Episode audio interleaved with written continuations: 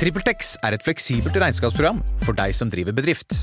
Timeføring, lønn, fakturering, årsoppgjør og samarbeid med regnskapsfører er bare noe av det som blir enklere med TrippelTex.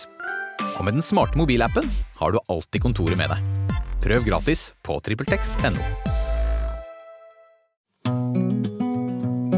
Alle har en syke, og jeg vil gjerne snakke om det.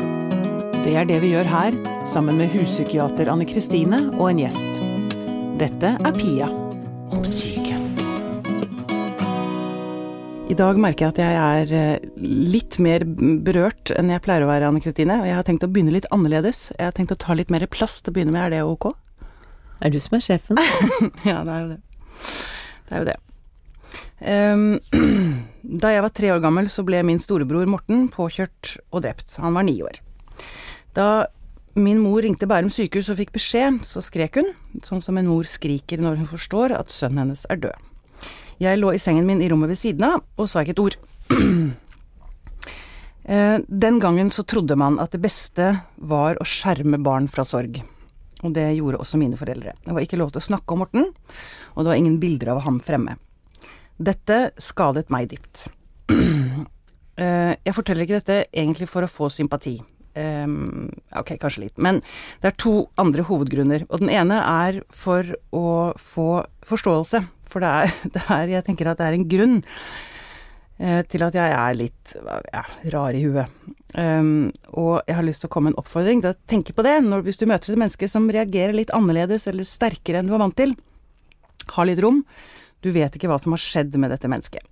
Og den andre grunnen til at jeg nevner dette, åpner på denne måten, det er at jeg vil gjøre det jeg kan for at voksne mennesker i dag ikke gjør den samme feilen med sine barn.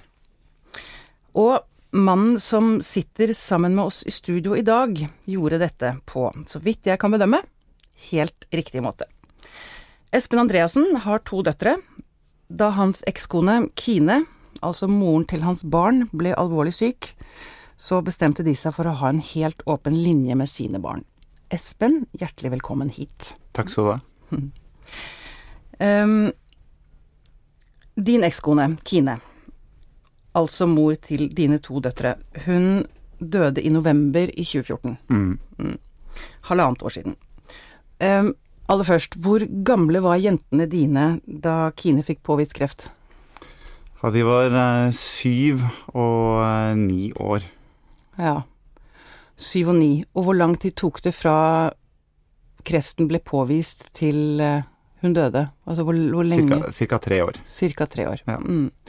Ok, kan du fortelle meg litt om på si starten på dette? Hvordan dere tenkte, hva som skjedde?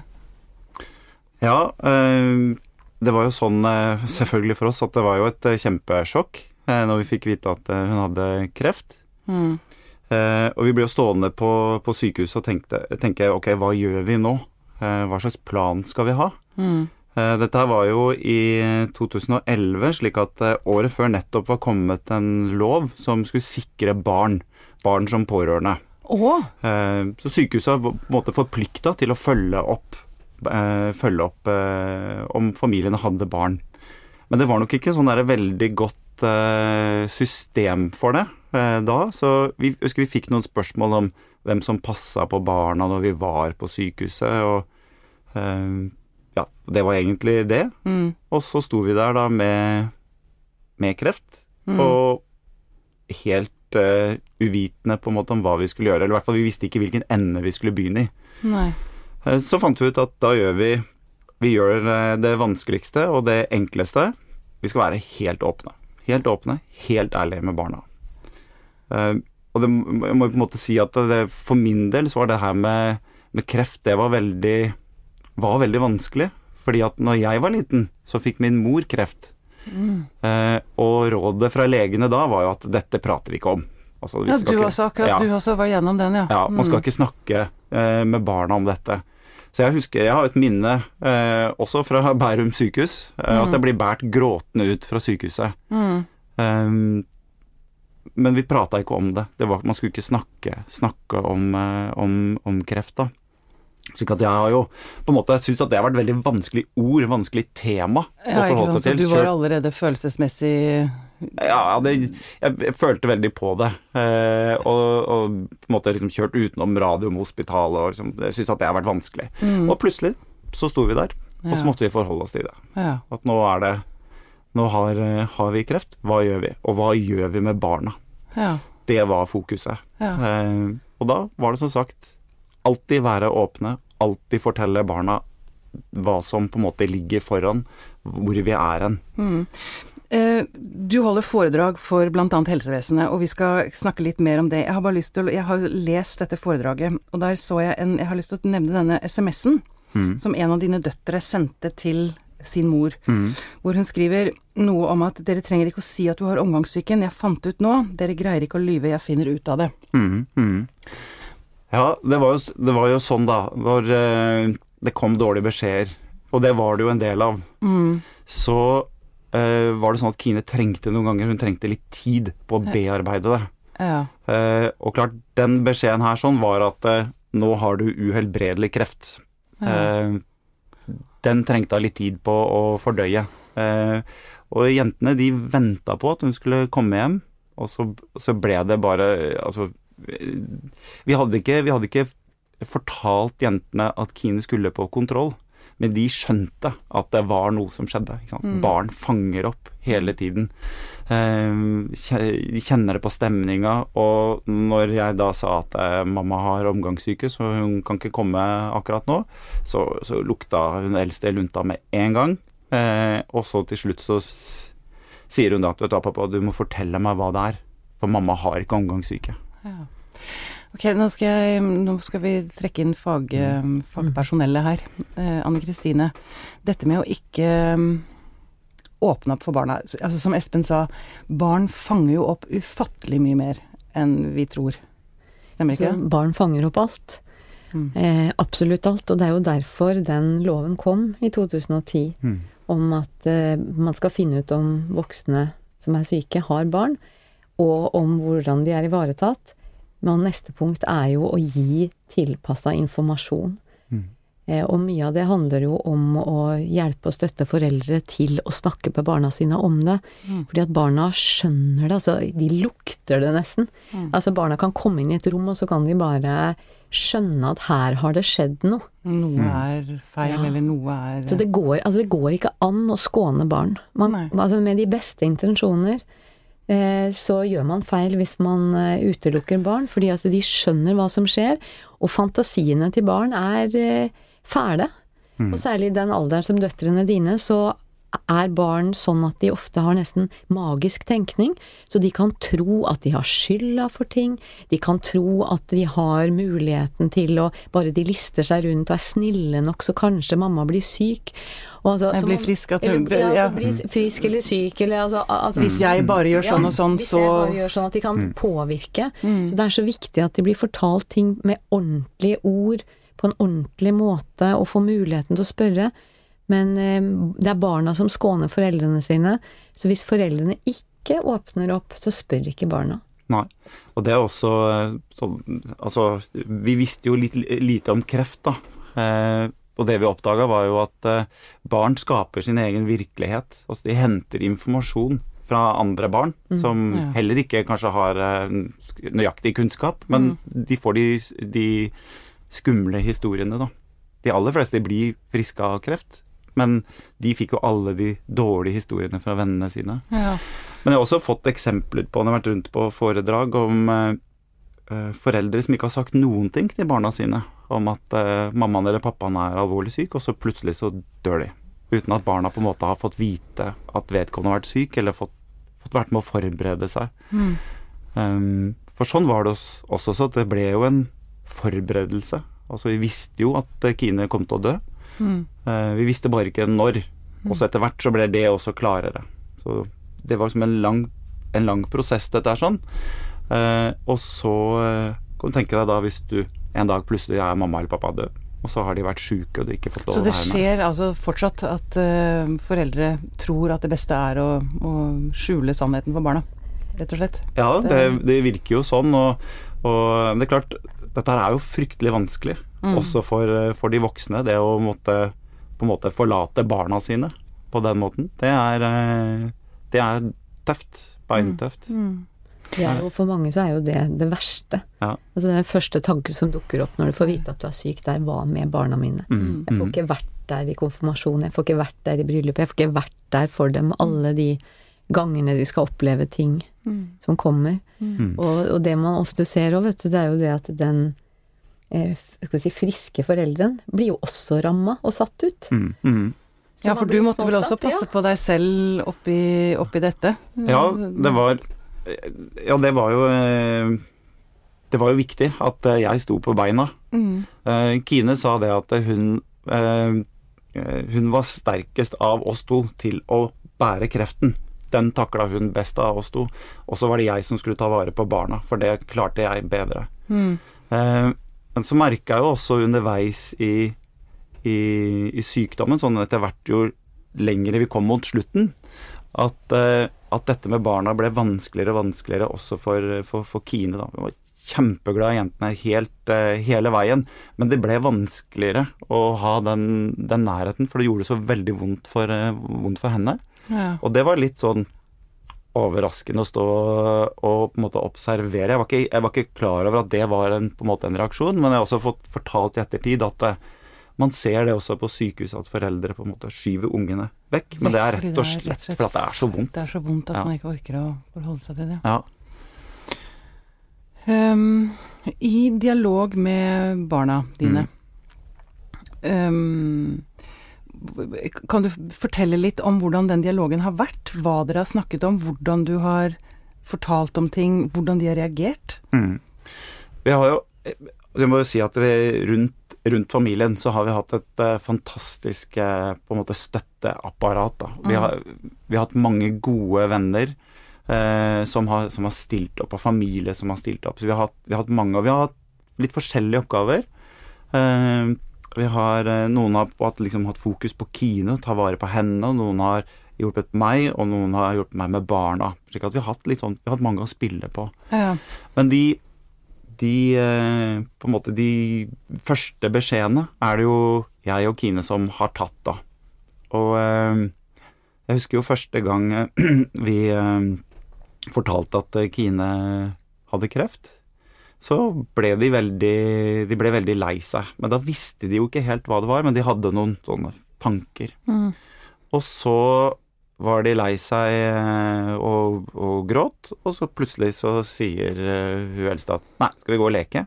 Mm. Og så gikk de og lekte. Mm. Så de er, de er veldig sånn ut og inn av, eh, av, av sorgen, da. Eh, Og det er jo eh, en utrolig fin egenskap for barn. Eh, Vi voksne vi liksom tar det over oss, og så, og så sitter det der liksom en stund, da. Mm. Mens barna kan gå litt ut og inn. Så Men jeg, jeg tenker bare sånn i forhold til sorg generelt, så tenker jeg at akkurat dette med å jeg, jeg lurer på om voksne også kan ha den tanken at vi får ikke lov når vi er i sorg, til å faktisk hvile. Mm. Du skjønner hva jeg mener? At barn har ikke den det åket å bære på. At de liksom hvordan de, de vet liksom ikke De har ikke disse reglene for hvordan de skal oppføre seg mens de har voksne. Kan det stemme, Anne Kristine? At- Ja, for det er jo mye sånn Altså, vi voksne tror at hvis vi er lei oss, så må vi være lei oss. Mm. Men det er helt normalt å ta pauser, for man klarer ikke heller å være like trist hele tida. Og hvis barn får lov til det som du sier, får lov å sørge på sin egen måte, Mm. så går de ut og inn av det. Mm. Og det. Og det er veldig viktig, for de blir jo utslitt. Men mange barn også tror at de må være triste hele tida, og tror de ikke kan gå i bursdag til bestevenninna når mamma er syk. Og, så det er veldig viktig at barna får beskjed om det, og at man viser at det er helt ok. Ja, Jeg også hus- husker det faktisk at jeg tok meg i Eller jeg ble jeg er blitt fortalt det faktisk av kusina mi, at jeg tok meg i eh, å sitte og leke med henne da jeg var liten. Og så plutselig skvette og tenke shit, dette får jeg ikke lov til. mm, mm, mm. Ja. Ja. Nei, det er, jo, det er jo sånn også i forhold til, i forhold til eh, barna. Da, så er det også godt for de å vite at andre vet. Det Ja. er jo på en måte en ting som også vi har jobba mye med. da. I Ja, forhold, forhold til skole. Mm. Eh, at de vet at lærerne vet at de eh, har, eh, er i en sorg. Eh, og sorg, det er jo Det kan jo være mange ting. Også det trenger jo ikke være dødsfall, men eh, det kan jo være mor og far flytter fra hverandre. Annen sykdom i familien. Altså at man har bytta sted å bo, f.eks. Eh, sånne ting. Men det er jo det med å gjøre på en måte sorgen til å leve med, da. Og så vil jo sorgen flytte seg og forandre seg. Slik at jentene var jo i en periode så var det jo i en sånn veldig sterk sorg, og så har det på en måte sluppet, sluppet taket. Men det at andre visste, det gjorde det mye enklere. For da hadde de noen å snakke med, og Han- noen som forsto dem hvis de, hvis de kanskje begynte å gråte plutselig helt uten grunn på skolen. Jeg vet Ja. ikke om, om sånne ting skjedde, det er vel også naturlig, Jo. kanskje? Ja, det var, det var en av de tingene. De var veldig har vært opptatt av at lærerne må vite hvordan de har det. Eh, og så har, de, har det vært rom for å, å ikke gjøre det eh, Altså, du trenger ikke å være på topp hele tiden. Altså, Unger vil jo gjerne gjøre foreldrene fornøyde og stolte. Og på skolen så er det å gjøre det bra på skolen. Eh, og hvis man da gjør det dårlig på en prøve, så detter liksom alt helt ned. Men det De gjør det jo bra på skolen, men det, liksom, det svinger litt. Konsentrasjonen svinger litt, og, og det gjør det fortsatt, selv om det nå er ett og et halvt år siden. Mm. Eh, men det er, for, det er viktig at lærerne vet, men det er også viktig at eh, de vet det. At de vet at dette her svinger. Ja. Eh, Så nå i dag, som du sier da, halvannet mm. år senere, mm. så er det klart at uh, man slutter jo ikke å sørge. sørge. Uh, sorg Jeg tenker innimellom at man bærer med seg sorgen resten av livet, men det er bare mm. at man lærer seg å leve med den. Hvordan er dagliglivet deres i dag? Nei, vi har Ja, altså jentene har jo uh, Har jo fra tid til annen så blir de jo lei seg. Eh, og særlig sånn merkedager. Eh, Før 17. mai. Eh, så var de Det grua de seg til. Eh, men på 17. mai så var vi oppe på kirkegården, og de spilte trompet og, og flira og, og var eh, fornøyde med å ha vært der oppe. Mm. Nei, det er Stort sett så er dagene gode. Men innimellom så merker jeg jo at de, de tenker. Og de blar i fotoalbum og har behov for å, for å vite litt om bildene og høre litt historier. Det som de ofte sier, er jo at de savner eh, stemmen. Altså, Den stemmen er på en måte det første som ble borte. Mm. Stemmen av mamma. Så eh, der, eh, der bruker vi litt sånn video og sånne ting, da, så de kan på en måte høre, høre stemmen, da. Ja, nettopp. Um, ja, du skulle til å si noe mer enn å Ja, nei, eh, det er sånn i en annen ting som, eh, som vi har gjort, for at dette er jo to forskjellige jenter som har to forskjellige eh, måter å være lei seg på også. Det er at vi har, vi har brukt tegning, har vi brukt mye. Kjæresten min, hun eh, fant ut at tegning, det skal vi prøve på. Det er noe som vi skal eh, se om vi kan, kan bruke. Og hun kjenner jo hele situasjonen, altså vært venninne med Kine tidligere, og, og, og, og kan, kan hele situasjonen. Og hun fant ut at tegning, det skal vi prøve. Og det var utrolig effektivt. Eh, Ja. Det å kunne tegne det man På hvilken måte? Nei, altså s- ene tegningen som vi har da, den er eh, fargerik eh, rundt, og så er det et svart hull i midten. Ja. Og da kunne prate litt rundt hva er det dette betyr. Mm. Det var mye enklere for hun minste å kunne prate rundt en tegning og få fram følelsen gjennom det, enn å gråte. Hun sa at jeg har masse tårer inni meg, men jeg, jeg får det ikke ut. Men når vi tok det den veien, så var det Så kom, kom dere, det fant en vei inn, Ja, fant en vei til- inn i følelsene. inn til sorgen, ja. Ja. Nå ser jeg Anne Kristine sitter og nikker. Dette, dette, vet jeg treffer hennes hjerte. Når jeg nikker så nakken nesten går av ledd her. Fordi det er så Altså det er så godt å høre det du forteller, fordi at det er jo det Altså det er jo disse tingene man anbefaler. Altså finn veier inn. Få et, eh, et slags språk for det. Fordi at eh, det er jo av og til det som kan oppstå i familier, at man Dette har man ikke noe språk for. Mm. Hvordan i all verden skal vi snakke om det som er så vondt at vi nesten går i stykker av det? Så det der å finne måter å kommunisere på som fungerer, er jo det viktigste, for da forstår barna at det går an å snakke om. For, og det er altså lov for voksne å gråte foran barnet sitt. Det, det opplevde jeg da jeg var liten, at det Hvis de begynte å gråte, så gikk de sin vei. Ja. Mm. Eh, Og jeg følte meg jo bare utestengt, liksom. Altså jeg, jeg, jeg mista jo nesten foreldrene òg, ikke sant, for de forsvant, de òg. Mm. Det er ikke noe farlig det, Anne Kristine. Nei, og det som, altså det som er farlig når foreldre går sin vei og prøver å skjerme, det er jo det at barna blir Altså, barna er jo i sorg, og i tillegg så blir de ensomme i følelsene sine. Fordi at de har ingen å dele de følelsene med. Så det er jo bedre å da sitte sammen og holde rundt hverandre og så gråte alle sammen. Eh, og at de voksne forteller hvorfor de gråter.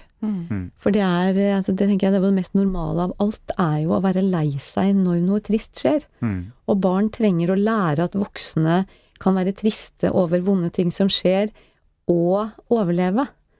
For det er det Men det er akkurat trenger. det, ja, ikke Mm, sant. At mm. man ser at det faktisk Man overlever, man kommer ut Ja. på andre siden, ja. Ja, og at man går ikke i stykker fordi man gråter. Mm. Mm. Man kan gråte, og så blir man ferdig med å gråte, og så kan man gå og lage middag. Og så når barna ser at de voksne klarer det, så får, de, får barna også en tillit til at ja, men det kan jeg også klare, selv om jeg begynner å gråte er det ikke farlig, fordi at jeg slutter å gråte igjen. Men det vet jo ikke barna av seg selv. Så Nei. de må se det, og de må lære det. Ja. Ja, det har vært mye tårer. Ja, det har det vært. Ja, mm. Og vi har jo eh, eh, Hun eldste, hun er jo, eh, er jo veldig sånn åpen og, og, og gråter når det er noe. Hun eh, minste hun har vært litt mer sånn tilbakeholden, men de har litt forskjellige måter å ha sorg på. Eh, og jeg også, jeg eh, kan jo være situasjoner eller spørsmål eller noe sånt som gjør at jeg også har jo grått i, i dette her sånn. Eh, og jeg ser også at de enkelte ganger har stilt spørsmål, og så fulgt med for å, å se om det er om det er noen som gråter. Oh, uh, og de tester liksom Ja, de, for, å, for å se er, er, det, er vi fortsatt lei oss for dette her? Er det, hvordan er det? Uh, og når mormor kommer på besøk og synger nattasang, så vet jo hun minste at da kommer mormor til å begynne å gråte. Det gjør hun alltid. Så hun sitter og venter på en måte på det, og så trøster. Uh, og det er også en sånn ting som, som vi vel så litt av, at de, de prøvde på en måte å innta en litt sånn trøstende rolle. Når de voksne var lei seg, så var de eh, på en måte og strøyk litt på, eh, på ryggen min. Og, og jeg husker hun minste sa det at eh, dagen etter at Kine døde, at dette, dette går bra, dette, pappa. Vi klarer dette. Dette går.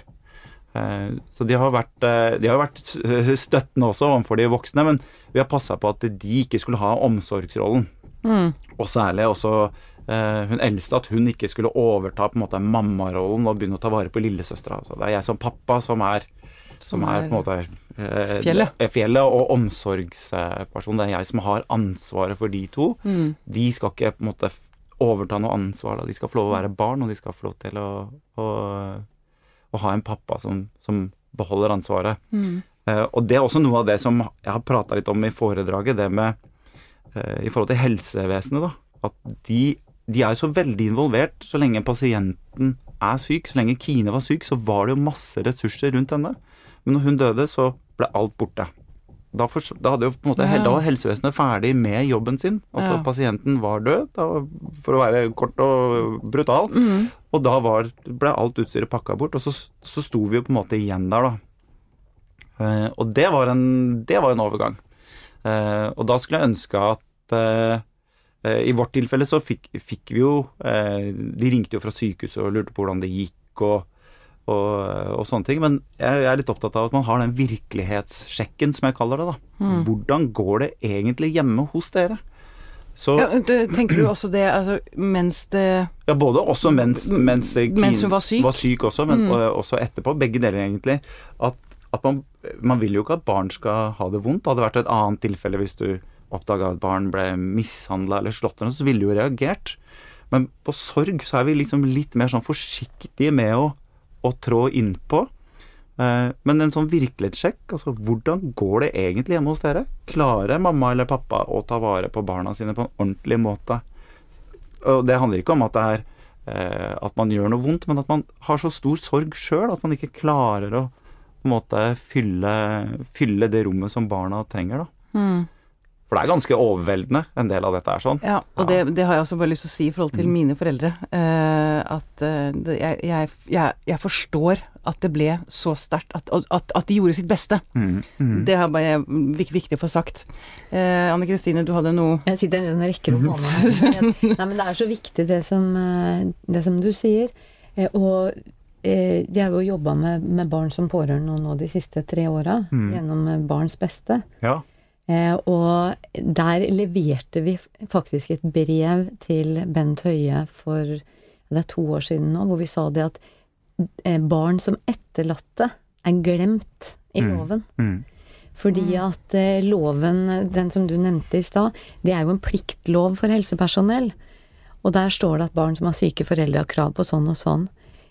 Men så er det ikke noe mer. For når en voksen ikke lenger er syk, så Mm. gjelder ikke loven mer. Så vi har jo eh, da prøvd Bent Høie til å altså få inn det i loven.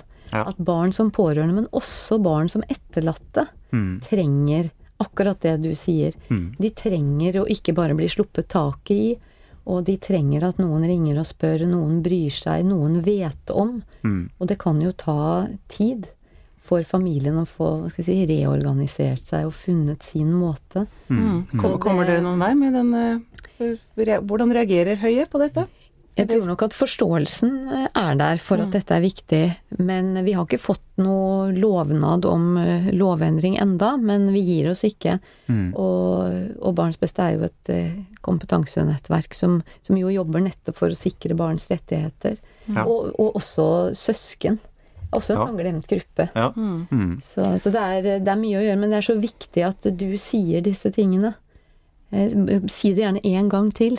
Ja, men det for jeg for jeg har bare lyst til å si For Foredraget du holder, det er helsevesenet stort sett, eller? Du sa det var lærere også? Ja, jeg har vært på, eh, vært på noen skoler, eh, og så har vi holdt, eh, holdt foredrag der. Jeg sier jo vi, da, for at det er jo meg og kjæresten min også som, som, Som- har, har noen av disse foredragene her sånn Ja. sammen. Foredraget heter 'Å være pappa til to sørgende barn'. Fra første møte med helsevesenet til mor er død og tiden etterpå. Ja. Mm. Mm. Er det andre ting du snakket om at eh, helsevesenet forsvinner, eller at uh, sånn der, eh, Hva heter det? Eh, Hjelpeapparatet blir Mm. borte, faller bort etterpå. Men er det, er det andre ting du liksom sier til helsevesenet at, at, at de må jobbe med i, i perioden under Ja, altså det er jo eh, det vi, det vi roser de for, eh, og det, det er litt viktig å si også at foredraget handler jo ikke om det som gikk galt. For det, de, det var jo egentlig ingenting som gikk galt, selv om altså, Kine døde, men det, det kunne vi ikke gjøre noe med. Nei. Det som, eh, det som eh, oppleves som, som veldig godt eh, sånn, som, I forhold til foredraget også, så er jentene med på foredraget. Altså De får lov til å på en måte si litt om Når jeg sier at nå skal jeg til sykepleierne på sykehuset, så skal jeg fortelle hva syns dere var viktig. Og så kommer de med noen sånne som de tenker at det er viktig å si til de. Ja, hva, hva sier de da? Ja, Da sier de det at det, det er så flott at de husker navnet vårt når de kom på avdelingen. Akkurat. Eh, og det er, jo, eh, det er jo det å bli møtt. Mm. Det at noen møter deg, og noen ser deg. Altså, eh, sykepleierne de fløy jo rundt i alle retninger eh, og hadde mye å gjøre, men når man kom dit, så stoppa de på en måte opp og hilste. Og de visste jo alltid navnet på dem. Mm. Eh, og så eh, var de innom rommet og kanskje tok med, tok med barna ut, og så gikk de på kjøkkenet og lagde litt, eh, litt mat og litt sånn småtteri. Så da, da fikk både jeg og Kine litt tid for oss til å prate, for å utveksle beskjeder og, og på en måte hvordan, eh, hvordan står det til, hva er det noe nytt. Og så, fikk, eh, og så vet jeg ikke egentlig helt hva de, om, om sykepleierne benytta tiden til en måte å prate litt med jentene for å danne seg et inntrykk av ok, hvordan har dere det egentlig? Mm. Um, men de var veldig Altså, de var jo redde for sykehuset i utgangspunktet, for det er jo litt skummelt på et sykehus. Men de som jobba på uh, avdelinga i Tønsberg, hvor Kine var da, de var veldig flinke til å møte barna. Til å møte de, og til å, å eh, måtte være der og bry seg. Omsorgspersoner. Mm. Det å, å legge hånda på, på ryggen deres og spørre hvordan går det. Mm. Liksom, men også i forhold til meg. Hvordan, går det, hvordan går det med deg egentlig, Espen? Nå syns jeg du ser sliten ut. Du hadde også et rom du fikk lov til å Ja. Du fikk også omsorg fra. Så vi må vel si at alt i alt så har vi et veldig godt helsevesen. Ja, det er eh, som Kine sa, at eh, hun betaler sin skatt med glede. Altså Mm. hun var veldig fornøyd med helsevesenet og stolte på de 100% Helt sikker på at hun fikk den aller beste behandlinga hun kunne få. For det var også Kines ønske at du skulle holde foredrag, eller at du skulle komme ut med den, det du Ja. Det var, eh, det var jo sånn at uh, vi, når vi visste hvordan det her gikk, så, uh, så snakka vi litt sammen om dette her, og, og hun sier da at det må på en måte komme noe godt ut av dette her. Altså, må, og, eh, og hun var jo barnevernspedagog uh, og opptatt av barn. Uh, og hadde fokuset på, på jentene, at jentene må på en måte stå på beina etter dette her sånn. Eh, og da fant vi ut at beste måten vi kan gjøre det på, er å fortelle om hvordan vi har gjort det. Ikke at vår måte nødvendigvis er den riktige, men sånn gjorde vi det, og det virka for våre, våre barn. Kanskje noen kan plukke opp noen tips, da. Er, er det noe du angrer på, eller er det noe du skulle ønske du hadde gjort annerledes? Sett i retrospekt? Ja, det er jo eh, eh, Det er jo som den tekstmeldinga du snakka om, det å si at mamma hadde omgangssyke. Sant? Det, det, vi gikk, da krasja vi jo helt i forhold til alt vi hadde bestemt oss for. Men, men, det, men, men det, var jo eh, Altså, det ble jo så innmari tatt på fersken, på en måte. Eh, og, men det var så stort sjokk for oss alle sammen. Eh, fordi bare noen få uker før så var hun erklært helt frisk. Da var det liksom Nå gleda hun seg til en sommer uten sykdom. Eh, og så går det noen uker, og så plutselig så er, det, er vi der, ikke sant. Så da ble vi litt sånn, litt sånn satt ut. Eh, men eh, vi lærte jo noe av det også. Eh, Og det er jo lov å gjøre feil, også som voksen. ja, og det I en sånn ekstrem situasjon, for det er det. Ja, altså, det det er er- ekstrem, da blir man pusha til grensen. Ja, helt klart. Og det er, eh, det er jo noe av det som vi også praktiserte, og, og som jeg også praktiserer videre. Det er å, å være på en måte tydelig overfor for jentene. At eh, eh, man, man forteller hvordan, hva man vet, og hva man ikke vet.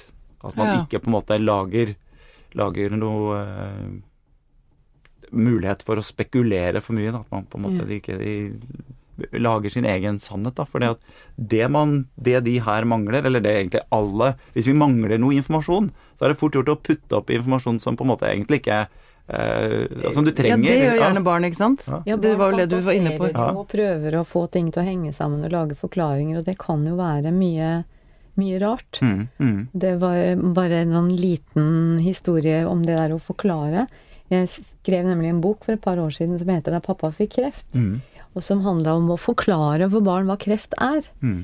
Og så var det en gutt på ti år som leste den, og så kom han til meg etterpå og så sa han det at 'nå skjønner jeg', sa han. Fordi at han hadde da blitt forklart av moren sin, som var tysk. Hun hadde forklart så godt du hadde kunnet, men han hadde da tolka ordet kreft, og kreps er jo det samme, så han hadde sett for seg at det satt en liten krabbe inni hodet på pappa Mm. og spiste på hjernen hans. Og så som voksen kan man jo si at ja, ja, men det er jo en ganske god metafor for kreft og alt sånt, men personlig så må jeg si det at jeg er ikke så glad i sånne amøber og parasitter og sånn. Så tanken for meg på at det skulle sitte et dyr inni hodet på faren min og spise på hjernen, det ville vært veldig fælt. Og han gutten, og han, han skjønte jo dette med celler og, og alt det der. Så, så han hadde jo da prøvd å få de forklaringene han eh, fikk til å gi mening. Vi har prøvd å få det helt til å henge på greip, ja. Mm. Ja, så det der å, som du sier, altså forklare og, og bruke ordentlige ord og ta barn på alvor. Ja.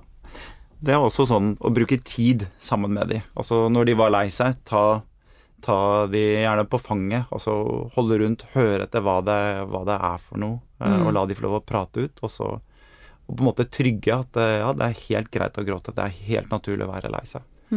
Sånne ting som det. Og, men også sånn i forhold til det i forhold til skole, da, som jeg også er litt opptatt av. Jeg har også hørt eksempler eh, fra at elever har vært veldig lei seg, eh, og så har de fått beskjed av læreren om å ta seg sammen. Og, og elevene sier jo bare at vet du hva, jeg er faktisk bare lei meg. Så det å ha en forståelse for barn, og også voksne, da, i, som har, har en eller annen sorg, eh, det er faktisk viktig for å hjelpe de til å, å fungere. Eh, til slutt så lurer jeg på eh, til Hvis det er noen som hører på dette, som er nå i begynnelsen av Altså som er i en lignende situasjon. Hva er, det, hva er det aller, aller viktigste, tenker dere? At de må vite, at de må tenke på, eller at de Hva er det beste rådet dere kan komme med? Det, det er egentlig et par ting jeg har lyst til å si, da. Det er at det, det finnes masse ressurser ute. Eh, når man er i den situasjonen, når man på en måte får det sjokket i familien, så er det veldig vanskelig å hente inn den informasjonen. Men få hjelp. Få hjelp av venner til å på en måte samle inn Samle informasjon. informasjon, Samle ja, informasjon Mm. For det fins masse gode hjelpetiltak. Eh, altså Kreftforeningen har, eh, har mye. Mine barn har gått på, eh, gått på eh, treffpunkt, som har vært veldig bra. Der Mm. møtes barn eh, som har foreldre eller familie som har kreft, eller som er døde av kreft, eller som har vært syke og blitt friske. organiserte møter, eller altså Ja. ja, nettopp. Der får de møte. møte. Og det, det jentene sa, var at eh, oi, det finnes jo andre som har det sånn som oss. For det er også en viktig Ja. ting å oppleve, at man Mm. ikke er alene i det. Ikke alene i det. Høre på, høre på barna og være åpne. Åpne og ærlige, så eh, og, for, og fortelle de, så slipper de å lage sine egne historier. Det er nok eh, ja, Å informere skole, altså bruke nettverket. Bruke skolen. Husk at det er jo masse på skolen. Ja, sant. alle disse ressurssidene som, eh, som finnes. Mm. Fantastisk bra. Noe du har lyst til å Jeg kan bare, kan bare støtte det Espen sier. Ja. Hva heter det? Det Espen sa. Espen Andreassen, eh, tusen takk for at du kom, og hils hjem til jentene dine. Det skal jeg gjøre. Takk.